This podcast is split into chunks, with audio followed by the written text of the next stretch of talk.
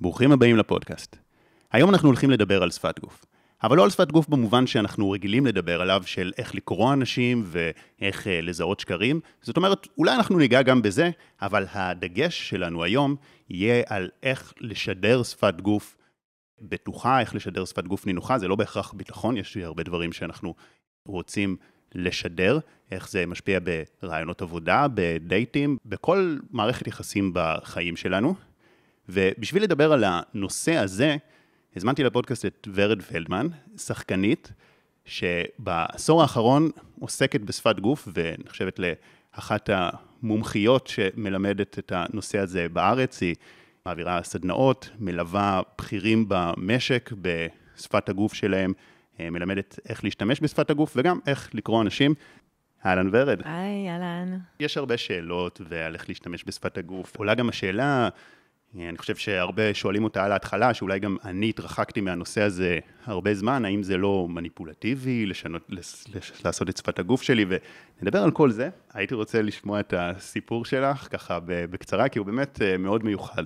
באמת מוכרת כשחקנית, אני כבר איזה 20 שנה שחקנית. באמצע החיים קרה לי איזה מקרה שככה הפך אותי.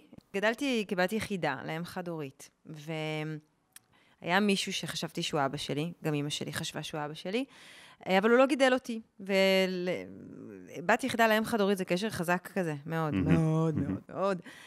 וכשהייתי בת 25, אימא שלי חלתה בסרטן, ובאמת עברנו כמה שנים של התמודדות עם המחלה, והבנו שהסוף מתקרב, והסוף היה פריבילגי בקטע הזה שהוא אפשר לנו להיפרד כמו שצריך מהעולם. ובין היתר היו כל מיני אנשים שהגיעו להיפרד מאמא שלי, ממש בסוף. אז אחד מהאנשים היה חבר עבר, שהכרתי בשם, וגם ראיתי אותו כמה פעמים בחיים. והוא בא להיפרד מאמא שלי, היינו בבית, הוא דפק על הדלת, פתחתי לו את הדלת, הייתי יחפה, בבית, יחפה, מה, הגיוני, נכון? Mm-hmm. פתחתי לו את הדלת, הוא בא ללחוץ לי את היד, ואז הוא, פתאום משהו קרה לו, הוא כאילו השתבש. אה, והיה נראה לי שהוא נורא מתרגש, או נורא... הוא ניצב במעמד קשה. זה, אה, הוא כמעט התעלף כזה. וסחבתי אותו לחדר של אמא שלי, הנחתי אותו שם, יצאתי לשתות קפה, זה כמעט לא היה קורה, התאווררתי כשחזרתי, זה היה אחרי איזה שעה, שעה וקצת, הוא פשוט ניגש אליי ואמר לי, אה, בקול צרוד, בובלה, נראה לי שאני אבא שלך. צחקתי, לא, כאילו, לא הבנתי מה זה, הבדיחה הזאתי. הוא המשיך ואמר לי, תקשיבי, אני לא יודע אם את יודעת, אני דוקטור, אני, יש לי, זה מה שאני עושה, אני דוקטור לשפת גוף, אני, אני, אני, אני ידעתי את זה דרך אגב, כי הוא היה, אז, אז הוא היה אחד המאסטרים הגדולים בארץ, לא הבנתי איך זה קשור. הוא אומר לי, אני מזהה פה משהו בכפות הרגליים שלך, אני כנראה צודק. אני כנראה לא חקרתי סתם כל כך הרבה שנים שפת גוף, אלא כדי להגיע לפה, לראות אותך ולהבין. תראה, מה שמצחיק זה שאנחנו קופי. אנחנו זהים, אנחנו נראים אבא ובת, אבל זה לא ראינו, אף אחד מאיתנו לא ראה. הכף הרגל שלי היא משהו שם, קפץ לו. דרכה הוא זיהה את הגן. Mm-hmm. זה הסיפור שלי, כי בעצם, מלבד לסיפור היפהפה הזה, ש... תחשוב שבאותו יום שעשינו בדיקת DNA, באותו לילה אימא שלי נפטרה, ובשבעה הגיע מברק עם התוצאות. וזה היה 99.9 אחוזי התאמה, הוא אומר לי, אין, אין כזה דבר, אחוז הזה, זה, זה 100 אחוז. אמ, וזהו, ובעצם שם התחיל הסיפור, המסע שלי בעולם הזה. שוב, אני לא חשבתי שזה ישנה לי משהו מקצועי, במקסימום, אולי זה יעשה אותי שחקנית יותר טובה. אבל מה שקרה בפועל זה שאני התחלתי להידלק. כי אני, זה התחיל בזה שאמרתי לו, מה ראית שם בכפות רגליים? מה זה? מה, מה, מה, מה זה הדבר הזה? מה אתה בכלל יודע? מה, בוא תלמד אותי. ומצאתי את עצמי, באה ללמוד אצל האיש הזה.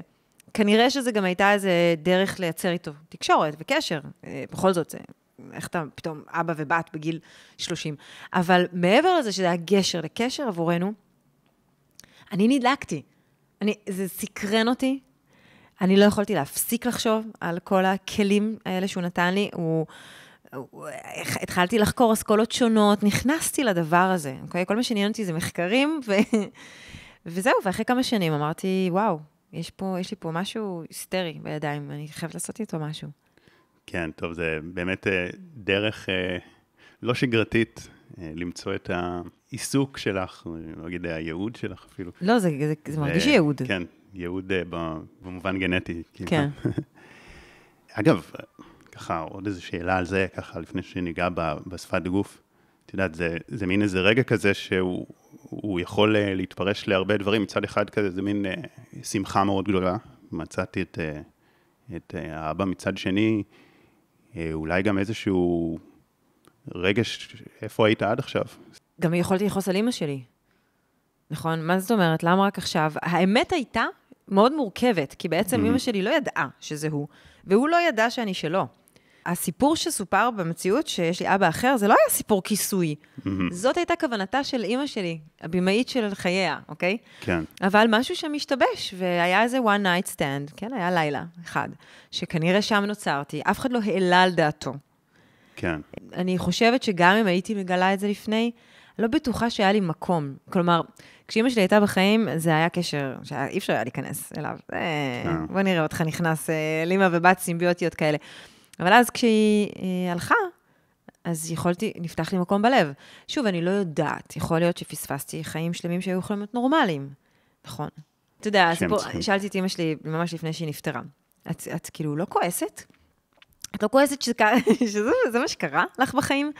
אז היא אמרה לי משפט שהולך איתי עד היום, היא אמרה לי, זה הסיפור שלי, מה אני יכולה, זה, זה הסיפור שנכתב, אז כאילו, על מה לכעוס?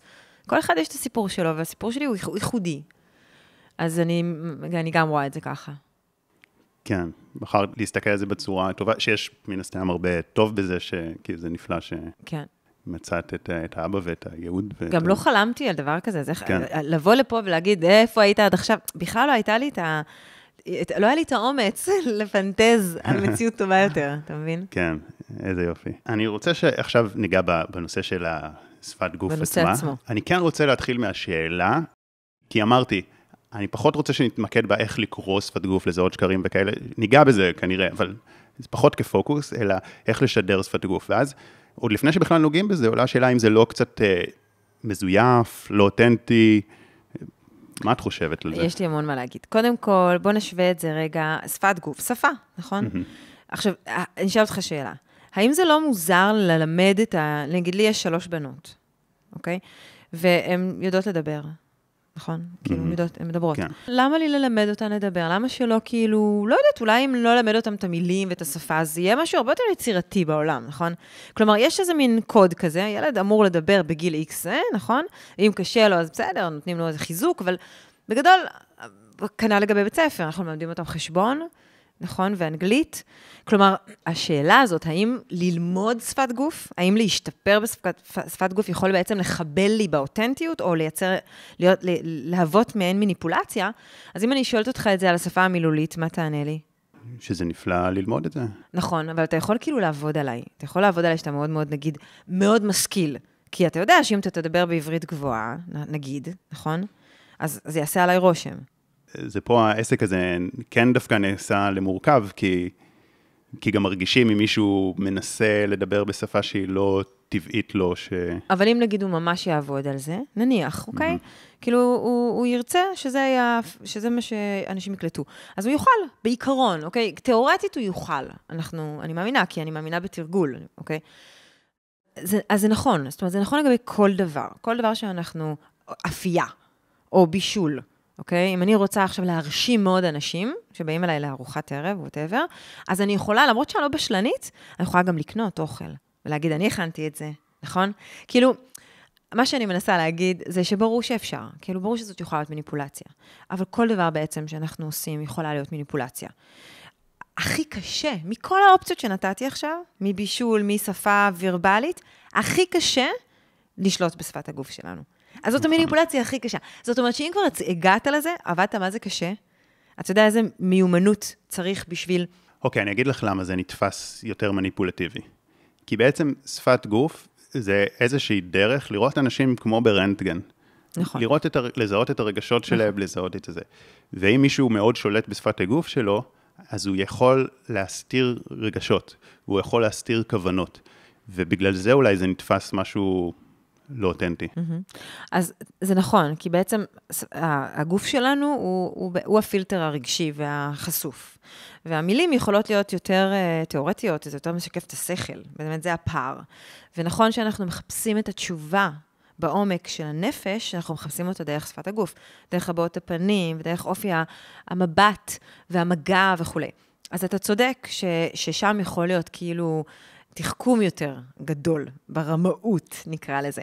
אבל העניין הוא שהגוף שלנו הוא, הוא לא פראייר, מאוד מאוד קשה לאלף אותו. אה, מאוד קל להשתמש בו, אבל מאוד קשה לאלף. יש הבדל בין אני אשתמש בו לטובתי, אוקיי? אני, mm-hmm. אני אגייס אותו לטובת מה שאני רוצה להשיג, לעומת אני ארמה דרכו. אוקיי? אני בכוונה משתמשת במילה רמאות ולא הסתרה. כן. כי, כי אתה מדבר איתי פה על מניפולציות בגבוה, אוקיי? Mm-hmm. זה כאילו אותה מיומנות, אבל זה שמיים וארץ. כי הגוף שלנו מחובר, מי כמוך, אה, מאמין בזה, לנפש, אוקיי? כאילו, כל הדבר הזה זה ישות אחת. ולכן כשאני אשתמש או אנסה לגייס את הגוף לטובתי, הוא די מהר ישתף פעולה, כי זאת אותה טובה. זאת טובה משותפת, למעשה. Mm-hmm. זו ישות אחת. אבל כשאני ארצה להשתמש בו כנגד משהו אחר, אוקיי? אובייקט זר, הוא יצטר... הוא... זאת עבודה אחרת. כן. ו- ואני אגב שואל את כל השאלות האלה, לא כדי, אה, כמובן הזמנתי אותך לפה כי אני רוצה ללמוד וזה מעניין אותי. אני שואל את זה כי אני באמת מרגיש שזה חסם גדול שלי, כי אני אנשים. חשוף להרבה ידע, ואפילו בקריאת שפת גוף אה, די פיתחתי את היכולות האלה, אבל איפשהו בכל הנושא של לשדר שפת גוף, כאילו זה, זה אפילו לא היה בפוקוס שלי, זה אפילו לא היה באפשרות מבחינתי, ואני חושב שזה היה המעצור. אה, זאת אומרת שהיה לי איזושהי אמונה במודע, וכנראה גם דברים שלא במודע, שמאוד, שזה לא בסדר, כי מי שמנסה לשלוט בשפת הגוף שלו זה, ה, זה הרמאים, hmm. זה אלה שמנסים לשקר, זה אלה ש... אז קודם כל, זו שאלה שמעסיקה לא רק אותך, ואני אתן לך את הגרסה היותר יומיומית של השאלה הזאת, ששואלים אותי מלא, תגידי, אבל זה לא... בסופו של דבר אנחנו רוצים להיות אותנטיים. זה כאילו פוגע באותנטיות. זה שלב א'. שלב ב' זה, אבל אפשר לרמות. עכשיו, בואו נדבר על האות... היחס, ההשוואה הזו שאנחנו תמיד עושים. אנחנו נורא מפחדים לצלול לעומק, כי אנחנו מפחדים לאבד את האותנטיות, או שאנחנו מפחדים באמת שזה יהיה לא מוסרי, כמו שאתה אומר. אבל אמ, אנחנו תמיד מצליחים להיות אותנטיים? אה, לא. לא. אנחנו רוצים אבל תמיד, אבל אנחנו לא תמיד מצליחים. כל מיני סיבות, נכון? כן, זה, זה גם בכלל שאלה מה זה אותנטיות, האם זה תמיד טוב. נגיד, זה... בוא נקרא לזה כרגע, להיות מסונכרן עם מה שאני רוצה להעביר. Mm-hmm. נגיד, נקרא לזה, נכון, אותנטיות, זה, באמת יש לה הרבה כיוונים.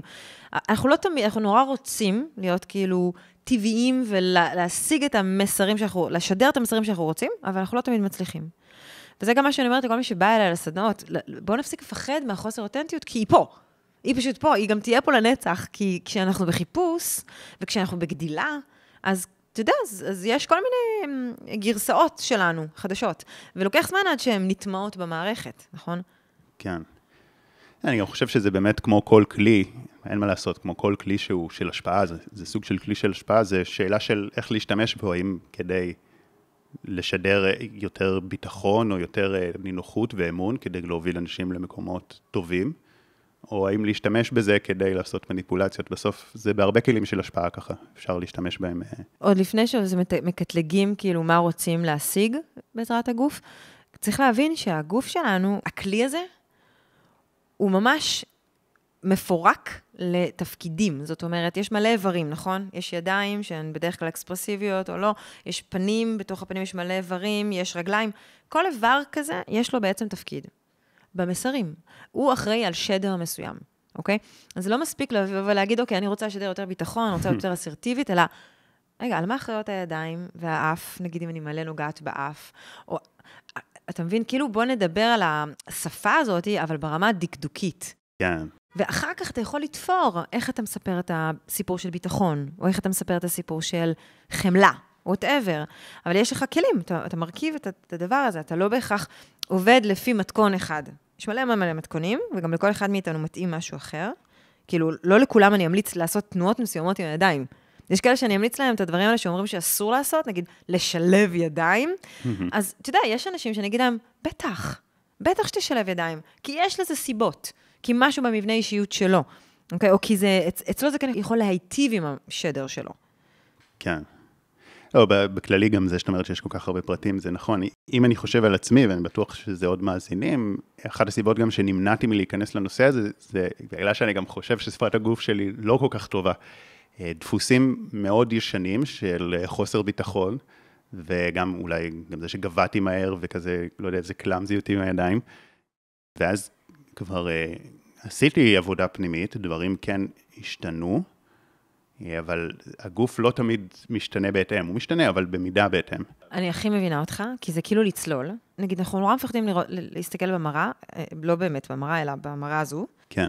כי אז נבין בעצם מה אנחנו משדרים. ואז נגיד, אך, איזה באסה. אבל תכלס, אנחנו יודעים את זה.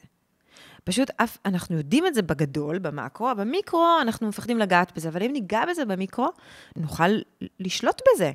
נוכל לשנות בחירות קטנות. יש דברים שאי אפשר לשנות, אבל יש דברים שאפשר לשנות. נכון, כשנכנסתי, אז שאלתי אותך בן כמה אתה? כן. אז למה שאלתי אותך את זה? כי, כי אתה מאוד מאוד צעיר, אבל בעצם כל העיסוק שלך והתכנים שאתה מתעסק איתם, הם, הם כביכול שייכים יותר לגיל מבוגר, נכון? ואתה, ו- mm-hmm. והגבת על זה, ואמרת לי, התחלתי עם זה בגיל מאוד צעיר, והיום אני כבר בן 30, נכון? כן. עכשיו, גם הנושא הזה הוא גם חלק מעולם שפת הגוף, כי בעצם, שים רגע בצד את האיברים, כי שפת גוף, נכון, נדמה שזה ידיים ורגליים, זה, נכון, כל... זה לא רק, זה כל מיני תפיסות שלנו, שמשפיעות על השדרים. ילדים שגדלים, שכאילו, אמ, איך אני אקרא לזה? אתה מכיר את הילדים האלה שהם בעצם מבוגרים? כלומר, הוא בן ארבע, אבל הוא נראה כמו בן 80, והוא מדבר כמו בן 80, אתה מכיר את זה? Mm-hmm. יש מין ג'אמפ כזה, שיכול להיות שהילד הזה עוד יחווה ילדות וכולי, אבל יש גם ילדים שמדלגים על תקופות חיים מסוימות. ובגיל 20 הם כבר אחרי דוקטורט, יש כאלה. ואצל אותו ילד, העובדה הזאת תשפיע על המסרים שהוא ישדר, על האופן שבו העולם יתפוס אותו. מעניין. כן. אז מה ראית, נגיד, ש... ראיתי את הפער הזה בין הגיל, בפועל, וגם אתה נראה מאוד צעיר, לבין הפרסונה שמחזיקה, יש לה weight. Mm-hmm. וזה חלק ממשהו שאנחנו צריכים להבין שהוא קיים, ואנחנו מביאים אותו לעולם. שוב, כל אחד יכול לעשות עם זה מה שהוא רוצה. אם חסר לי להביא את השעשוע ואת הילדי וכולי, אני יכול להביא את זה גם במקומות אחרים. אם לא חסר לי, אני יכול, אני יכול להשלים עם זה. אבל זה משהו שאני צריך לדעת. כמו שאמרת שגבעת נורא מהר. עכשיו, מה קורה כש, כשאנחנו, אנחנו, אני אומרת, כשאנשים okay. כן. אה, פתאום תופסים איזה קפיצת גובה, אז תחשוב שטכנית, תראה איזה מבהיל זה. אם אני לוקחת אותנו בחלל, ואנחנו כזה, נגיד, גור, גוש בחלל, ופתאום אנחנו כזה גוש בחלל, זה המון המון יותר, הרבה יותר מרחב. ומרחב פיזי זה נוכחות גדולה. והיא יכולה מאוד להבהיל אותנו. לא סתם אנחנו רואים מלא אנשים גבוהים מכופפים. כאילו קיבלו מתנה, קיבלו אה, נוכחות פיזית גדולה, אבל הם לא יודעים איך להחזיק אותה. שזה גם משפיע בסופו של דבר על איך שאני, על תודעת הגבוה, הנמוך, נכון. רזה. גם העולם בנוי, זאת אומרת, זה גם כל החיים לאכול ככה, למטה זה הרבה דברים שמכופפים, כי כל השולחנות... חד משמעית, הם... בדיוק, אתה צריך לעשות כן. מנחים מסוימים טכנית, ואז משפיעים עליך גם. כן, אז הייתי רוצה באמת לגעת בכמה דברים אה, ספציפיים, אה, גם של כל מיני דברים שאנחנו משדרים, למרות שאנחנו לא רוצים לשדר את זה. דבר אחד זה אם אנחנו משדרים כזה, באמת, משהו כזה אולי קשוח או אדיש, ואנחנו לא רוצים לשדר את זה, או אם אנחנו משדרים חוסר ביטחון, אה, או חוסר אמינות, או דברים כאלה, אז הייתי רוצה לגעת באיזשהו משהו, ככה להתחיל okay. אחד-אחד אוקיי. לעבור על זה. תראה, בגדול, בואו נצא מנקודת הנחה שלכולנו יש את כל מגוון התכונות. Mm-hmm. אין דבר כזה בן אדם שלא לא, לא יודע מה זה חוסר ביטחון. יש בן אדם שיודע 2% חוסר ביטחון במבנה אישיות, ויש בן אדם שיודע 82%. זו אותה תכונה במינונים אחרים, וזה מייצר אופי אחר, נכון? אבל ההבנה שכולנו יודעים, מרגישים, מכירים את הגרעין של כל תכונה ותכונה. גם של יוהרה, נגיד. Mm-hmm. יכול להיות שיש לי את עשירית האחוז, אבל אני יודעת מה זה, אני יודעת איך זה מרגיש, אני יודעת איך זה נראה. אני אפילו יודעת איזה צורה יש לזה בגוף שלי. עכשיו, ברגע שאנחנו מבינים את הדבר הזה, אנחנו יכולים להתחיל לעבות תכונות מסוימות ולהוריד מינונים של תכונות אחרות. זה לא בהכרח אומר שאנחנו משנים את האישיות שלנו. זה פשוט אומר שאנחנו נהיים יותר אלסטיים. שאנחנו מבינים שאנחנו יכולים לשחק עם זה כל הזמן עם הווליומים, עם העוצמות.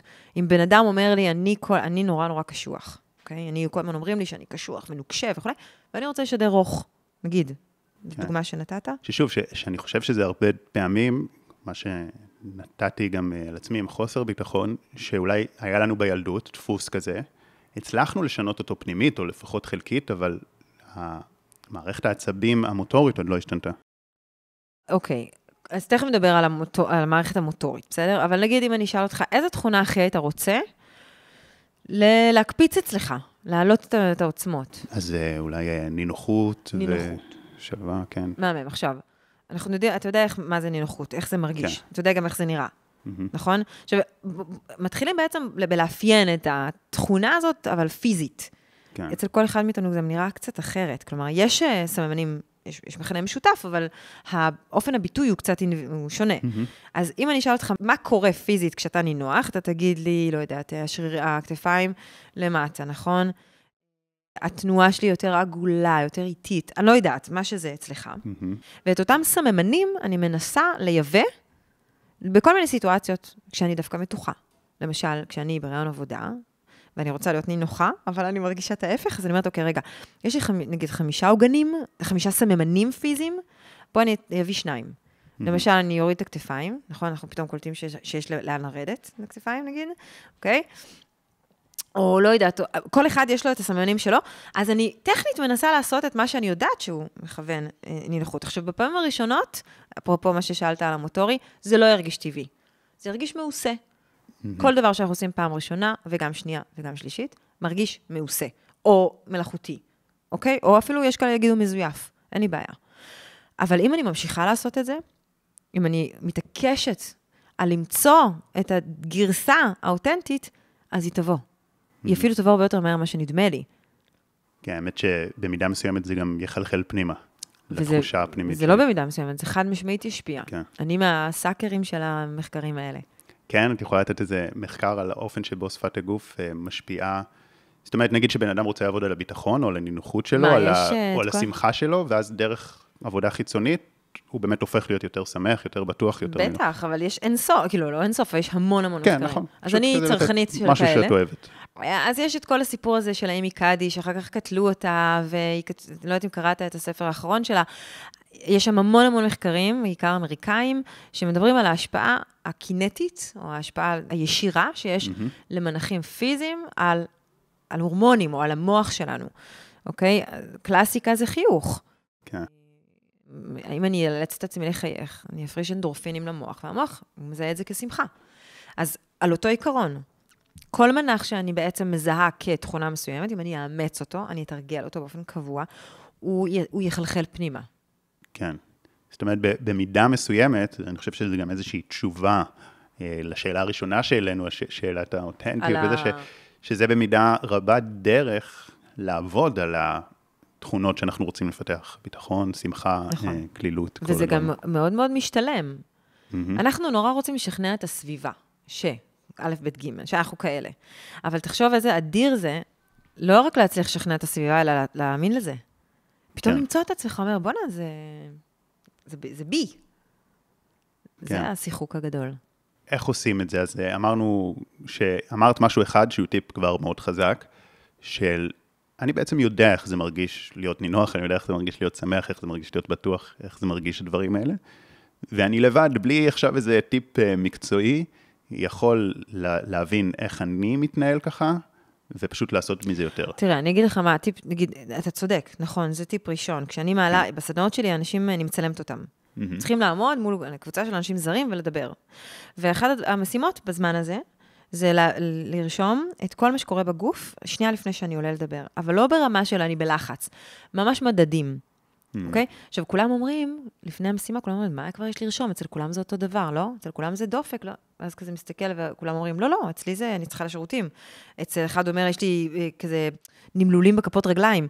כאילו, זה לא באמת אצל כולם אותו דבר, אבל לכל אחד מאיתנו יש את הסמנים האלה. עכשיו, אם אנחנו מתחילים לחקור אותם, א', יש, מתחילה להיות לנו יותר שליטה עליהם, אמיתית, וב', אנחנו מתחילים, כמו שאתה אומר, לאסוף עוגנים לכל מיני תחושות, לא רק לתחושת לחץ, שזה הכי קל. כי זה הכי מזוהה, כי זה חזק, זה אקסטרימי. כן. אבל השריר הזה של לזהות את התחושת לחץ, הוא אחר כך יעבוד לי על תחושת אושר. הוא יעבוד לי על תחושת ביטחון, ועל תחושת, על כל התחושות בעצם. אני אאסוף מלא מלא מלא מלא אינפורמציה, אני קוראת לזה אינפורמציה, על עצמי, ואז אני אוכל לשחק איתה. כי זה לא יהיה אמורפי. אנשים יקרים, מיד נמשיך בפרק. רק רציתי לספר לכם, שאם אתם אוהבים את הפודקאסט, אני מזמין אתכם להצטרף בחינם אל קבוצת הוואטסאפ הסגורה, שבה אני שולח פעם בשבוע משפט השראה, פלוס תוכן מעצים ואיכותי. קישור ההצטרפות נמצא בתיאור למטה. וגם מזמין אתכם לעקוב באינסטגרם ובטיק טוק, שם תוכלו למצוא סרטונים ממוקדים, וככה לצרוך תוכן משמעותי שתורם להתפתחות שלכם באופן יומיומי. ואם גם בא לכם לשתף את הפרק בסטורי ולתייג אותי, תדעו שאני תמיד משתף גם אצלי, ואני מאוד מעריך ומוקיר את השיתופים שלכם. זה עוזר לי להגיע לעוד אנשים ונותן לי מוטיבציה להמשיך להשקיע ולייצר את התכנים הכי איכותיים שאני יכול. מודה לכם על ההאזנה והתמיכה, ואנחנו ממשיכים. מה נגיד את חושבת על הנושא של תזוזתיות, שהם מאוד מזיזים את הידיים ואת, ואת הגוף ונוסעים הרבה? מה זה משדר? אני צריכה שתפרט לי איזה סוג של תזזיתיות, כי זה, זה יותר מדי גדול. מה, קצב מהיר? קצב מהיר, אבל במובן ה... קטוע? במובן הלא טוב שלו. זאת אומרת, אה, שזזים הרבה בכיסא, שמזיזים את הרגליים, שמזיזים, שמשחקים, כל הדברים האלה של התזוזתיות. אז כל דבר כזה זה דבר בפני עצמו. אומרת, זה עולם ומלואו. בדיוק, אז תן לזה נגיד אחד. מה שאתה מתאר לי זה נשמע לי כמו תנועות של ידיים שהן מהירות אבל קטועות. פשוט זה אחד הדברים ששמתי לב על עצמי, uh-huh. שנגיד שצפיתי בעצמי, שאמרתי, יואו, אני ממש אה, רוצה לשנות את זה. הייתי רוצה תנועות יותר רגולות, יותר איטיות, גם בתזוזה במרחב. ראיתי, הולך יחסית הרבה מצד לצד, זאת אומרת, הייתי רוצה תנועות יותר, okay. אוקיי. הרג... לא יודע, הרגשתי שזה משהו, ש... שצפיתי בעצמי, הרגשתי שזה לא, שאני לא אוהב את זה, אבל אני לא יודע בדיוק למה. מה זה אומר? ו... כן. אז אני חושבת, ממה שאני קולטת, במחנה המשותף של מה שאתה מספר, זה בעצם אה, רצון לפרוץ גבולות, ולהיות מאוד נוכח, כאילו לתפוס מרחב, אבל הקצב והתזזיתיות מספרים על, על פחד לעשות את זה. Mm-hmm. כאילו, אני רוצה כבר, אני מרגיש בשל כבר לצאת החוצה, כי כשאתה מתאר תנועות גדולות ועגולות ונינוחות, זה תנועות שמסמנות טריטוריה ומרגישות נוח בטריטוריה. אז אני שומעת את הרצון הזה, אבל יש עדיין קושי. כן, גם נגיד שהסתכלתי על תנועות הידיים שלי, ושוב, אני חושב שכל מה שאני אומר, הרבה יוכלו להזדהות איתו. אז ראיתי הרבה תנועות שלא יודע, ש... שדובר שהוא מאוד uh, בטוח בעצמו, שהוא מאוד כריזמטי, יש איזה משהו באצבעות, ש, שהכל עובד בסינכרון, הכל עובד uh, ביחד, הכל נראה טוב, ואצלי ראיתי, או גם אצל הרבה אנשים שהם לא בטוחים, משהו, האצבעות לא שוות, לא משהו... אז תראה, קודם כל, מה שאתה, מה שאתה עושה עכשיו, זה רק מי שצופה בנו בווידאו יכול להבין, כן. התנועה הזו, אה, בשונה מהתנועה הזו, התנועה הזו היא מספרת שוב, אותו סיפור, על רצון לתפוס. לתפוס עוד, לקבל עוד, ואולי חוסר אמונה שזה פשוט יגיע, אלא רצ... mm-hmm. אתה מבין את הפער? אה, כשאתה משווה את זה לתנועות יותר נינוחות ושתופסות מרחב, זה בעצם תנועות שמכילות את מה שהגיע. אלה תנועות שרוצות עוד. זה כנראה נובע מה, מהפער הזה שאתה, שאתה מדבר עליו, בין זה שאני רוצה להיות יותר נינוח, לבין מה שאני רואה בפועל, שיוצא ממני. כן, ואני חושב שזה גם, ששוב, זה גם הרבה פעמים סתם ראיתי נגיד אה, הרצאה שלי, שאני דווקא זוכר, שהרגשתי שם נפלא, עם כיתה וקבוצה שאני מכיר טוב, שהייתה איזו אנרגיה טובה, אנרגיה נעימה, אה, אבל עדיין כשראיתי את שפת הגוף שלי, אמרתי, וואי, זה לא שפת הגוף אה, שהייתי רוצה. כאילו ציפיתי מעצמי שזה גם ייראה יותר. זאת אומרת, כזה. משהו, כן, והאמת שאני גם רגיל מאוד לשמוע את עצמי, אבל אני לא רגיל... אוקיי. אז זה גם קשור. כי כן. אם אתה מדבר הרבה ואתה מקליט את עצמך הרבה, אז כבר יש לך יכולת לשחק עם הקול שלך. כי אתה כבר יודע עליו המון אינפורמציה, כי אתה הרגלת את עצמך. כשאנחנו לא מספיק צופים בעצמנו, כשאין לנו עין חיצונית, אז קשה לנו לעבד נתונים. הנתונים היחידים, תראה, איזה איבר היחידי, האיבר היחידי שאתה רואה, כשאין לך מראה או כשאתה לא מצולם, איזה איבר הוא? ידיים. נכון. והידיים, לכן הכי קל בעצם להתחיל לעבוד עליהן, כי הן, יש רפלקציה, כל הזמן רואים אותן. כן. והן נותנות לנו פידבק תוך כדי. אם אנחנו נתחיל נגיד לעבוד עליהן, רק עליהן, כי אני רואה אותן כל הזמן, זה כבר יתחיל לחלחל, המודעות הזאת פנימה, לעוד איברים. כן, זה, זה גם הכי נשלט, כי בסוף זה מאוד קשה לשלוט על uh, מיקרו הבעות פנים, אם זה אפשרי בכלל. Uh, אני חושב שזה טוב להתחיל עם זה. מה את חושבת הטעויות הכי נפוצות שאנשים עושים בשפת גוף, שהם משדרים מסרים שלא עושים להם תדמית טובה, או שלא מעבירים את המסרים שהם רוצים? הטעות הכי הכי נפוצה, שכל בני אדם חוטאים בה, mm-hmm. זה שאנחנו מגיעים לא מוכנים ברמת הגוף. בוא ניקח סיטואציה הכי מלחיצה. מה, דייט או ריאיון עבודה? דייט ריאיון עבודה, סבבה? דייט שאני ממש כן. רוצה.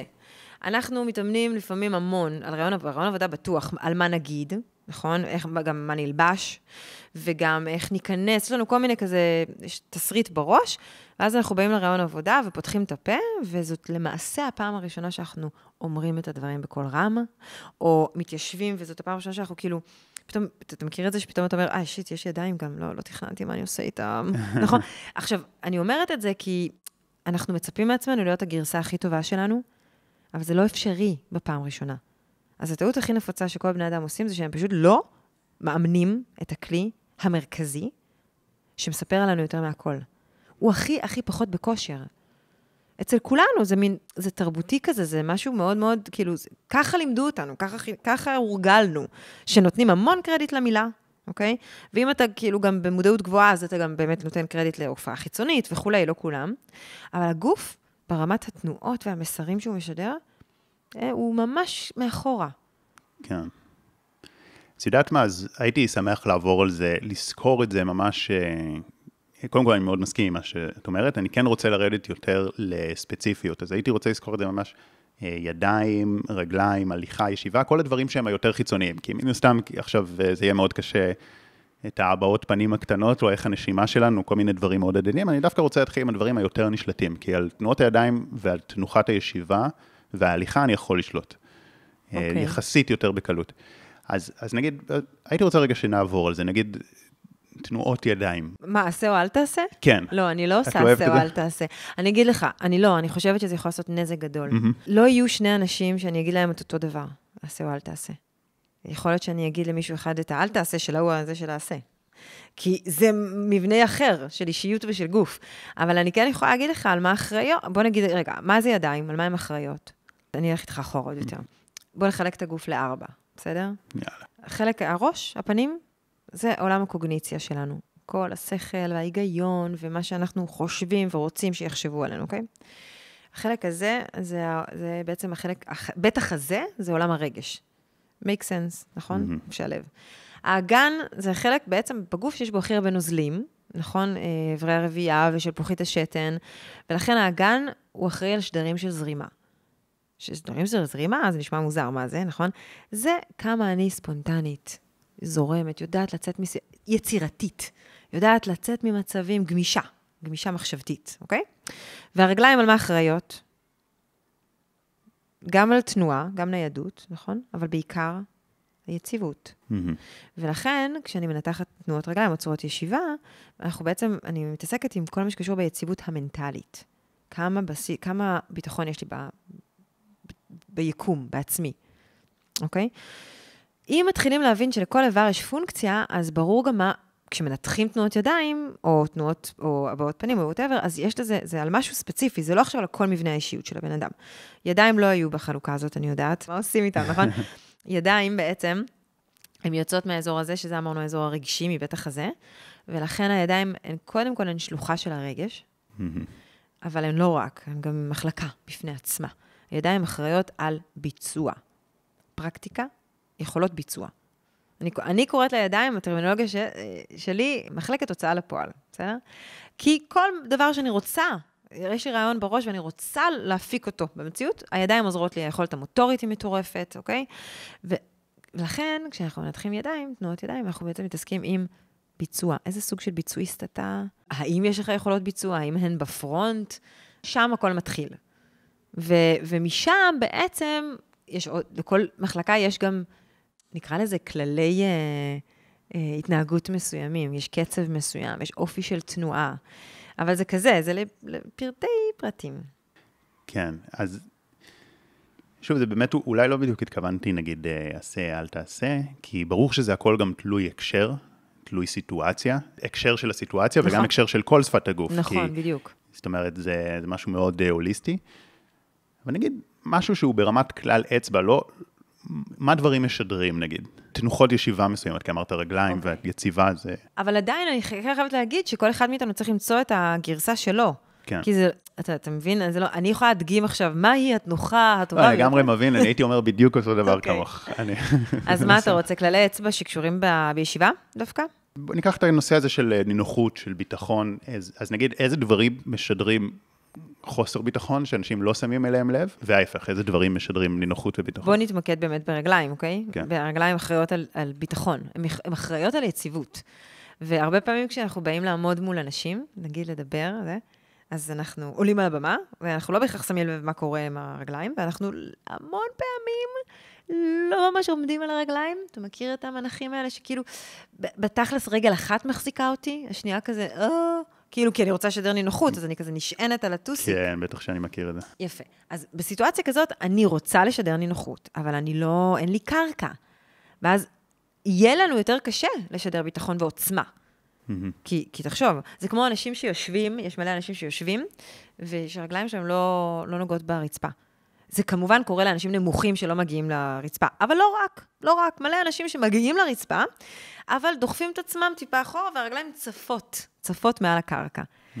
עכשיו, תוך כמה שניות זה משפיע על הכל, שנהיה כזה בלי אוויר ואיטי ותלוש, כי אין קרקע, כשאין קרקע אני תלושה. וגם שאר האיברים בגוף שלי יגיבו לזה, אוקיי? לפעמים אנחנו הרי לא רואים מה קורה ברגליים, נכון? יש, הנה, אני ואתה לא רואים עכשיו, כי יש שולחן.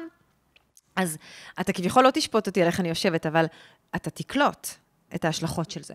אוקיי? אם אני אשב למשל עם רגליים מאוד מכווצות, מרגיש את ההבדל?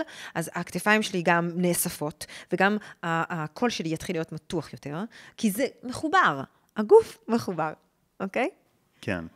וואי, האמת שמה שאמרת על הרגל אחת, ש, שהמשקל לא מוזן על שתי כן. הרגליים, משהו ששמתי אליו לב על עצמי, בכלל בלי קשר לשפת גוף, פשוט uh, לבריאות של הגב. כן. Uh, חשבתי על זה הרבה, שתפסתי את עצמי uh, הרבה פעמים מעביר משקל לרגל אחת, זאת אומרת, לא עומד שהמשקל שווה על שתי הרגליים. לא חשבתי על זה אף פעם בהקשר של ביטחון. כן. חשבתי על זה בהקשר של בריאות עמוד השדרה. אבל זה מאוד מעניין מה שאמרת עכשיו, ואני גם מנסה עכשיו לחשוב אז, למה זה, איזה דפוסים רגשיים הובילו אותי mm. לדבר הזה. אז uh, תראה, גם, שוב, אני אומרת עכשיו, אני, מסת... אני כאילו עושה כוכבית, ואני אומרת, זה גם בסדר להישען על רגל אחת, ואז להישען על רגל שנייה, ואז לעמוד על שתי רגליים לרגע. זאת אומרת, זה בסדר שתהיה תנועה ודינמיות, אבל אנחנו חייבים לזכור שכדי להביא עוצמה וביטחון, אנחנו צריכים מדי פעם לעמוד על שתי רגליים, כי שם יש לנו הכי הרבה יציבות. כן, אני חושב שזה גם הרבה יותר uh, בריא לאגן, לעמוד השדרה, לדבר, לדברים האלה. חד משמעית, ברור, אבל אנחנו לא תמיד מוגבלים כן. מאספקטים כן. כאלה, אנחנו יותר מושפעים מ... אה, יצא לי טוב, לא יצא לי טוב, אני מצליחה במעמד וכולי. כן, טוב, כל אחד ומה שמניע אותו חזק יותר. נכון. אבל... אה, כן, זה, זה גם מראה שוב איך הכל קשור, הגוף נפש. עצם ההבנה הזאת מחזקת לי את הנושא שהתחלנו איתו, האם זה אותנטי, לא אותנטי, אני פשוט רוצה לעשות את זה כי זה, זה מחלחל פנימה וזה נכון, בריא. נכון, מסכימה איתך. מה מבחינת הליכה? ההליכה שלנו משדרת דברים? בטח, מלא. אין כמו לשבת ולצפות באנשים חולפים ברחוב. ההליכה שלנו, כן, בטח. תחשוב שבהליכה בעצם אפשר לראות את כל הגוף בו זמנית. בסינכרון או לא בסינכרון, ויש שם המון המון אינפורמציה. נגיד קודם, שאמרתי לך על האגן. מה האגן? אנחנו לא מדברים עם האגן, אף אחד לא עומד מול אנשים ומתחיל להזיז את האגן, נכון? אבל בהליכה, יש לו תנועה מסוימת, ודרך התנועה שלו אנחנו יכולים ל- ל- ל- לקלוט האם הבן אדם יש לו אישיות יותר זורמת ופתוחה וגמישה, או יותר מאופקת, יותר אה, מאובנת במקום הזה, אוקיי? Mm-hmm. ובכלל, הליכה, נגיד, מה שנורא מעניין בהליכה, אותי בהליכה, זה גודל של צעדים. נכון, לפעמים יש אנשים שפורצים לעצמם את המרחב, כאילו צועדים, הפיסוק בצעדים בין רגל לרגל הוא נורא גדול, ויש אנשים שהוא ממש ממש קטן, אלה שמאוד נזהרים, כזה, זה. וגם הצעדים עצמם. תחשוב שאתה עכשיו, נגיד, הזמנת אותי אליך, סבבה? ואני אמורה להגיע, ואז אתה מתחיל, אתה שומע צעדים כזה ב... Mm-hmm. ואתה אומר, זאתי? זאת לא היא, זאתי, זאת... ואז אתה שומע עוד צעדים, אתה אומר, נכון? יש לנו חתימה קולית של צעדים. אנשים יכולים לזהות אותנו רק לפי הצעדים שלנו. לגמרי. נכון? אז האופן שבו כף רגל דורכת על הקרקע בעצם, כבר מתחילה לספר לנו. תראי, סתם מעניין אותי, מה הדוגמה שחשבת עליה בראש, כן. שהיא אישית אלייך מתקשרת ל... לנושא של הליכה ולנושא של צעדים? כאילו אופי ההליכה שלי? עכשיו שדיברת, חשבת על משהו. אה, אתה קורא לי את המחשבות? ומשהו שכזה גם מעורר רגש, ומשהו כאילו שהוא כזה קשור אלייך. קודם כל, תמיד כשאני מדברת על רגליים, כי בעצם אני, הקשר שלי לתחום הזה התחיל ברגליים. למעשה. אז יש לי מין כזה נקודת אור כזאת שם. נראה לי תמיד כשאני מדברת על רגליים, אבל אני יכולה להגיד לך שאני כילדה, או כנערה, מתבגרת, ועד היום, ההליכה שלי השתנתה 180 מעלות. Mm. כלומר, אני זוכרת את עצמי בתיכון, בח... בחטיבה התיכון וצבא, מסתכלת, אתה יודע, שאתה רואה את עצמך כזה בחלונות ראווה, בן אדם, אני רואה ילדה כפופה, המבט ברצפה, צעדים מאוד מאוד קטנים, צמודים לגוף, לא, לא לוקחת סיכונים, לא פורצת מרחב. והיום, אם אני מסתכלת על עצמי בחלונות ראווה, לפעמים אני אומרת, מה זה? מי את? כאילו, וזה מעניין, כי באמת אני נורא, אני שונה מהילדה ההיא שהייתי. כן, אז מה, מה זה, גאווה? זה כזה... זה, זה פשוט, אה, לא, לא תגיד עכשיו זה הקיצוניות השנייה, אבל אין כמעט זכר. אין מצב שאני הולכת עם עיניים ברצפה היום. כן. אין מצב. גם אם אני עם הטלפון, הוא תמיד כאן. כאילו, יש לי, הוא גבוה, הוא... והצעדים שלי הרבה יותר רחבים, hmm. והם משמיעים צליל אחר. פעם זה היה כזה, לא שומעים אותי, נכנסת למקום, לא בטוח שהייתה פה מישהי, כזה, אוקיי? היום ישמעו אותי אם אני נכנסת למקום. לא, אני לא עושה רעש, אבל ישמעו שמישהו כן. נכנס לחדר. זה, זה בסדר שאני אומר לאנשים לבחון את אה, שפת הגוף שלך אחר כך, הם בוחנים גם אותי, עכשיו בטוח, כאילו הם. בוחנים פה את שניהם. אז תחזירו אחורה, תראו את, אה, מה, מה השתנה בשפת הגוף, כשהיא דיברה על זה, וכל מיני דברים גם בעיניים. את בטח מכירה את כל הנושא גם של תנועות העיניים, מתי אנחנו כן. מחוברים לרגש, מתי זה, אז כן. כאילו פתאום התחברת מאוד רגשית. כן. אז נגיד, מתוך כל הדברים האלה, אם את מסכמת טיפ אחד, נגיד, למה הכי שווה לעבוד עליו בהליכה? כי כדי שזה גם יחלחל פנימה. אז ו... כן, אני ממש מבינה. קודם כל, אני מציעה ללכת קצת יחפים. אנחנו לא עושים את זה. כי אין לנו, אנחנו בעצם מאבדים קשר עם, הרג, עם הרגל. כי אנחנו כל היום בנעליים, וחלקנו גם נעליים עם עקבים או עם פלטפורמות, ואז החיבור שלנו משתשתש. אז כאילו, רגע, ברמה ההוליסטית, אני אומרת, צריך רגע ללכת יחפים כדי שנייה תזכיר את הבסיס, אוקיי? טיפ, לפני ה... מה לעשות, מה כדאי הכי טוב לעשות, מה סוג ההליכה שלי כנראה משדר. האם אני הולכת שקטה? שקטה בלי לעשות רעש, בלי כאילו לסמן שהגעתי, או האם אני רוקעת ברגליי? האם אני מעבירה את כל כף הרגל על הקרקע כשאני הולכת, או רק קצות האצבעות נוגות? יש את ההליכות האלה, הקופצניות האלה, רק על קצות האצבעות. האם אני אה, הולכת, אה, גוררת רגליים? או האם אני, אוקיי, כאילו, רגע להבין, כמו שאמרתי לך קודם, מה, מה אני מביאה בכלל, לפני הכל. כשאני מבינה את זה, אז אני יכולה להגיד, אה, אז בוא ננסה הפוך. בוא ננסה רגע קצת אחר, לשחק עם זה. ומה זה עושה, מה זה מביא? כי אנשים יגיבו לזה, אנשים מגיבים להכל. כאילו, אם אני פתאום, אתה יודע, אבקש ממישהו לעשות את ההפך, וללכת ברחוב ככה, הסביבה מגיבה לזה. אז אני מתחילה לחקור בעצם. כן, לגמרי. אז אני רוצה לשאול אותך uh, משהו שאולי פחות מדברים עליו בשפת גוף, כי בדרך כלל מאוד uh, מתמקדים באיך לשדר את הביטחון, ו... קטע שלפעמים יותר מדי ביטחון יכול לשדר כזה מרחק. נכון. וחוסר נינוחות, ויש מצבים שאנחנו רוצים לשדר מאוד אה, קלילות, ויש אנשים שדווקא אין להם בעיה לשדר ביטחון, והם כזה מאוד כזה כריזמטיים, ו... אבל אולי אפילו לרמה שהם כבר קצת מפחידים, mm-hmm. והם רוצים לשדר קצת יותר קלילות, יותר... אה, אפשר להתקרב אליי. אני אנושי, אני, אני נעים, אני נחמד. מה, האם יש איזה שהם אה, כללי אצבע לדברים שעושים אותנו יותר סגורים וקשוחים, ודברים שעושים אותנו יותר כלילים ונעימים? ממש מה שעשית בגוף שלך עכשיו. המקום הזה של אה, אסרטיביות, בעצם אסרטיביות, בעצם, אם אני מכמתת את זה בפיזיות, זה מתח. כי כדי להיות אסרטיבית, אני צריכה לתפוס את ה... מת, איזשהו סוג של מתח בשרירים שלי יחזיק אותם מתוחים, נכון? Mm-hmm. שזה תלוי כמה, אני יכולה גם, אם אני ממש על המתח, מתח, אז אני לא אסרטיבית, אני בסטרס. אבל מתח מסוים, אוקיי? זה באזורים של אסרטיביות, שליטה. באזורים של חום, מה שאתה מביא כנגיד אה, השלמה של זה, חום נגישות, אוקיי? אז זה בעצם, לעומת מתח, זה שחרור, אוקיי? כלומר, כדי לשדר אה, נגישות, אם אני יודעת שאני בן אדם יחסית אסרטיבי, אני, אני רוצה להגמיש את השרירים שלי ושהתנועות שלי יהיו יותר עגולות ומתמשכות ופחות קטועות. והפוך, אם אני בן אדם מאוד מאוד נגיש וכיפי וקליל, ואני רוצה שנייה, אתה יודע, להעמיד מישהו במקום, אז אני צריכה ללכת על היותר חדות ונוקשות. זה בגדול, אוקיי? Okay? אבל uh, זה לא חייב להתנגש. כאילו, אפשר ממש... איך זה, אמרת שגם כל האזור של החזה הוא, הוא קשור ל, לרגשות, ללב ודברים כאלה. איך זה מתבטא בשפת גוף? איך, כי, כי אני אומר, ידיים זזות, וזה מה, זה אזור כזה מאוד יציב. אתה שם לב שאני כל הזמן מנסה לברוח מהמיקרופון? שקשה לי כאילו שהוא פה, כי בעצם יש משהו במיקום של המיקרופון שהוא הוא חוסם בינינו את החלק נכון. הזה. עכשיו, כל חסימה שאנחנו מייצרים, נגיד אם אני יושבת מולך ולפטופ על השולחן, הגיוני, כי אנחנו עובדים, אבל עדיין אין לנו גשר ישיר בין האזורים האלה. זה נגיד משהו שמייצר מרחק, גם אם אני לא מאוד רוצה, אוקיי? כן, זה עד כדי כך נכון, שאני תמיד אומר לאנשים לפני הפודקאסט, תשימו לב שהנטייה בזמן שיחה זה ללכת אה, הצידה. קדימה, כן, ואז- אבל אז לא שומעים טוב. נכון, נכון. כשיש מגבלה מסוימת, ומלא פעמים יש מגבלות, עצם זה שאנחנו מבינים את זה, אנחנו כבר אוטומטית נתחיל, ננסה להתגבר על זה. ואז אני יודעת שאני צריכה להביא יותר, אני לא יכולה להישן אחורה בכלל, כי אני רוצה להגיע אליך. אז אני צריכה אם כבר להישן טיפה קדימה.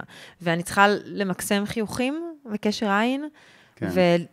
ובעצם להתגבר על מכשולים כאלה. כן. טוב, אני אשאל- אני אשאל שאלה שלא נעים, כי אז אה, אה, כל מי שצופה ביוטיוב אה, יבחן אותי, נו. אבל נגיד משהו ששמת לב על על שפת הגוף שלי, שכדאי שאני... זה מה שאתה, בעיקר אתה מדבר על זה. כאילו, אתה, אתה דיברת על זה בהתחלה, אמרת, יש פער, אני, אני, אני לוקחת את מה שאמרת אתה בהתחלה, וקראת לזה תזזיתיות. מהמם. אני אקרא לזה אחרת, אני אקרא לזה יסודיות. כלומר, אם התחלתי תנועה מסוימת, גם אני לא יודעת לאן אני הולכת, אני, אני רוצה לנסות לסיים אותה. אוקיי? Mm. כאילו שהתנועות שלי יהיו מלאות והחלטיות, גם אם הן משונות לי, בסדר? גם אם אני לא יודעת מה אני עושה עם הידיים, לפחות אני אסיים את התנועה. אני אתן לה התחלה, אמצע, סוף. ואז אני בעצם מכריחה את עצמי למקסם את כל התנועות שמגיעות. כשאנחנו לא מסיימים תנועות, תנועות שהן קטועות ותזזיתיות וקצרות, הן יעידו על חיפוש וחוסר יכולת למצוא. וואו. הבנת? זה ה... חזק מאוד. אוקיי. אני מאוד אה, יכול אה, להתחבר לזה, זה כזה, ממש הגדרת לי משהו שאני לא מרוצה בשפת הגוף שלי, אז, וכזה... אז ממש. תנסה אפילו לא לחשוב על הקצב ועל האופי של התנועה. תן לה תנועה חופשית, פשוט תדאג שהתנועות יהיו יותר ברורות לך. כן, וזה גם, אני חושב שבסוף, אה, זה באמת דברים שהם כל כך מחלחלים פנימה. זאת אומרת, שאני נכון. מניח ששינוי שפת הגוף יכול לעשות גם יותר החלטיות, ריכוז, אה, נכון, האלה. מאוד, בהחלט. טוב, אז יש עוד כל כך הרבה שאלות ו- ודברים. אני, דיברת על ארבעה חלקים של הראש, אה, חזה ו... אגן ורגליים. אגן ורגליים. מה עם הראש? כי באמת הראש שאנחנו אולי הכי פחות מודעים אליו, כי אנחנו לא רואים אותו בכלל. יש בתוכו המון איברים, פשוט כל אחד אחראי על משהו אחר. גבות, עיניים, אף, פה, אוזניים, סנטר, מצח, או, מלא. אז כאילו... כן, האמת שזה זה ענק. הראש, בטח אם מכניסים הבעות פנים, זה דבר ענק. זאת אומרת, רק על זה אפשר לעשות קורסים. נכון. אמ, אבל נגיד משהו שהוא יותר נשלט. שוב, כי אני פחות מדבר פה על לקרוא את המיקרו הבעות פנים המאוד אה, עדינות, שגם אי אפשר לשלוט בהן. משהו שאנחנו יותר יכולים כן לשלוט בו באופן מודע, ושהוא גם ישדר משהו יותר נעים, וגם יעזור לנו להרגיש רגש יותר נעים, חוץ מחיוך. אבל אם אנחנו מדבר, אם, אם נגיד נדבר על חיוך, לא במובן הזה שכולנו יודעים שכתוב לחייך וזה וזה, כן. האופי של חיוך, כאילו סוג החיוך מלמד אותנו המון. כן. זה נכון. אז כאילו, יש אז אנשים שאומרים לי מלא, לא, אני כל הזמן מחייך, ואז אני רואה איך הם מחייכים, ובעצם הם לא מראים שיניים בחיים, אוקיי? זה חיוך סגור לגמרי. מבחינתם הם עושים וי על החיוך, אבל מה שעובר החוצה זה שהם מאוד קפוצים. אז זה לא רק חיוך, זה גם איזה חיוך, וכמה אני מרשה לעצמי להיחשף בחיוך שלי. אני חושבת שבפנים, זה שלב אה, יחסית מורכב, כאילו לה- להצליח לשלוט בהבעות פנים, או אפילו לזהות אותן, אני חייב אה, מודעות מאוד מאוד מאוד גבוהה, וגם יעזור מאוד אם אני אצפה בעצמי. מהמם. זה מאוד עוזר. כן. אני... מבחינת נטיות של כל הראש. הטיות ראש, הטיות ראש, אנחנו באמת עושים את זה כולנו, במיוחד שאנחנו מקשיבים, יש לנו מהמם. מלא סיבות טובות להטות את הראש. אני כן אגיד שכשאנחנו רוצים להיות מאוד אסרטיביים וחדים ומרוכזים, ואנחנו על הבמה, במרכאות, אז כן. כדאי שהראש שלנו פחות יהיה מוטה, כי אז אנחנו כאילו יוצאים מהמרכז. וכשהראש שלנו במרכז, המסר שיעבור הרבה יותר משכנע, הרבה יותר משפיע, הרבה יותר חזק.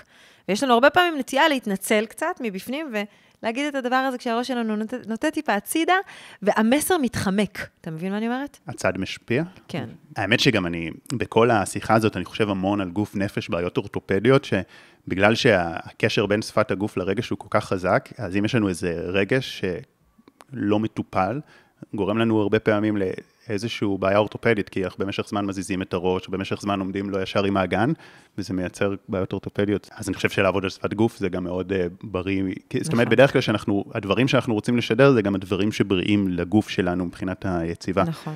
דבר ככה, ממש לסיום, נתת לי נגיד עצה, נגיד, ממש טובה, אני ממש אהבתי אותה, אבל אני חושב עליה ואני אומר, וואי, זה קשה ליישם. ואני חושב שהרבה פה אנשים לקחו כל מיני עצות שאמרו, וואי, זה ממש טוב לי, ו... ושוב, גם התחלת מהעצה הכי טובה, שהיא בכלל לשים לב לזה ולהיות מודעים, ו... אז נגיד גם בן אדם זיהה משהו, אבל זה מאוד קשה להטמיע, אז איך מתחילים להטמיע את הדבר הזה? תראו, לא חייבים, לזה, לא חייבים לדעת לנתח כל דבר. מספיק שאני מזהה משהו, נגיד אני מזהה שיש לי דפוס מסוים, שחוזר על עצמו, המוח עושה, ממשיך לעשות עבודה. זה כאילו אתה זורק, זורק לו עצם, הוא ממשיך לעשות עבודה, והוא מתחיל לחקור, האם הדפוס הזה עוזר לי או מעכב אותי. ואם יש ספק שהוא מעכב, המוח מתחיל לשחק איתו. הוא מתחיל לעדן, הוא מתחיל לשים נורות אזהרה, הוא מתחיל להביא כל מיני אלטרנטיבות, להחליף את הדפוס הזה. אז קודם כל, הזיהוי הוא כבר מתחיל שינוי. אחר כך, השלב השני, אני חושבת שזה באמת ללמוד, ללמוד, מה, מה זה אומר כל דבר. כדי, כדי שיהיה לי את הידע ואני אוכל לבחור. לא לעשות מה שאומרים שכדאי. מי אומר? לי? למי? אוקיי? והשלב השלישי זה, אחרי שלמדתי, אני צריך לתרגל את זה. כי אם אני לא אתרגל את זה, אז זה לא יהיה שלי אף פעם. זה יהיה משהו שלמדתי והיה נראה טוב על איקס. אז איך מתרגלים? מתרגלים, פשוט מחפשים. פשוט אה, אתה לוקח נקודה מסוימת, למשל זקיפות, הכי קל, אני מדגימה, mm-hmm. זקיפות, אז קודם כל אני צריכה לזהות כל פעם מתי, מתי שה, שהכתפיים שלי צונחות, זה הזיהוי, זה הראשון. הדבר השני זה זקיפות, למה? כי למדתי שא', ב', ג', ואני רוצה לשדר את הא', ב', ג' הזה.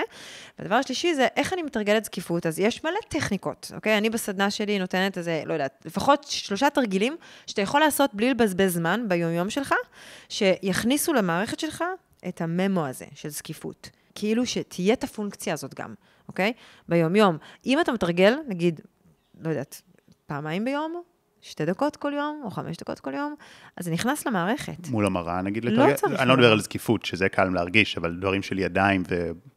תראה, אני נגד מול המראה. אני נגד. נגד. כי כשאנחנו נעמדים מול המראה, קורה לנו משהו. אתה רוצה לראות את עצמך, תדאג שמישהו יצלם אותך, ואז תצפה בזה.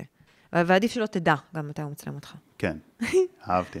טוב, ארד, זה היה מרתק, ויש עוד אה, כל כך הרבה ועוד כל כך הרבה דברים להעמיק, אבל אני חושב שבאמת נתת את הכמה טיפים המאוד מאוד נכונים, וגם בזה שלא הסכמת להיכנס לדקויות יותר מדי, וכן בלא, שאני אה, חושב שזה, שזה נכון, כי זה באמת כל כך תלוי וכל כך תלוי הקשר וכל כך אה, מורכב ואינדיבידואלי, ו, ואני חושב שעבר פה המסרים החשובים, קודם כל הסרת ההתנגדויות ל...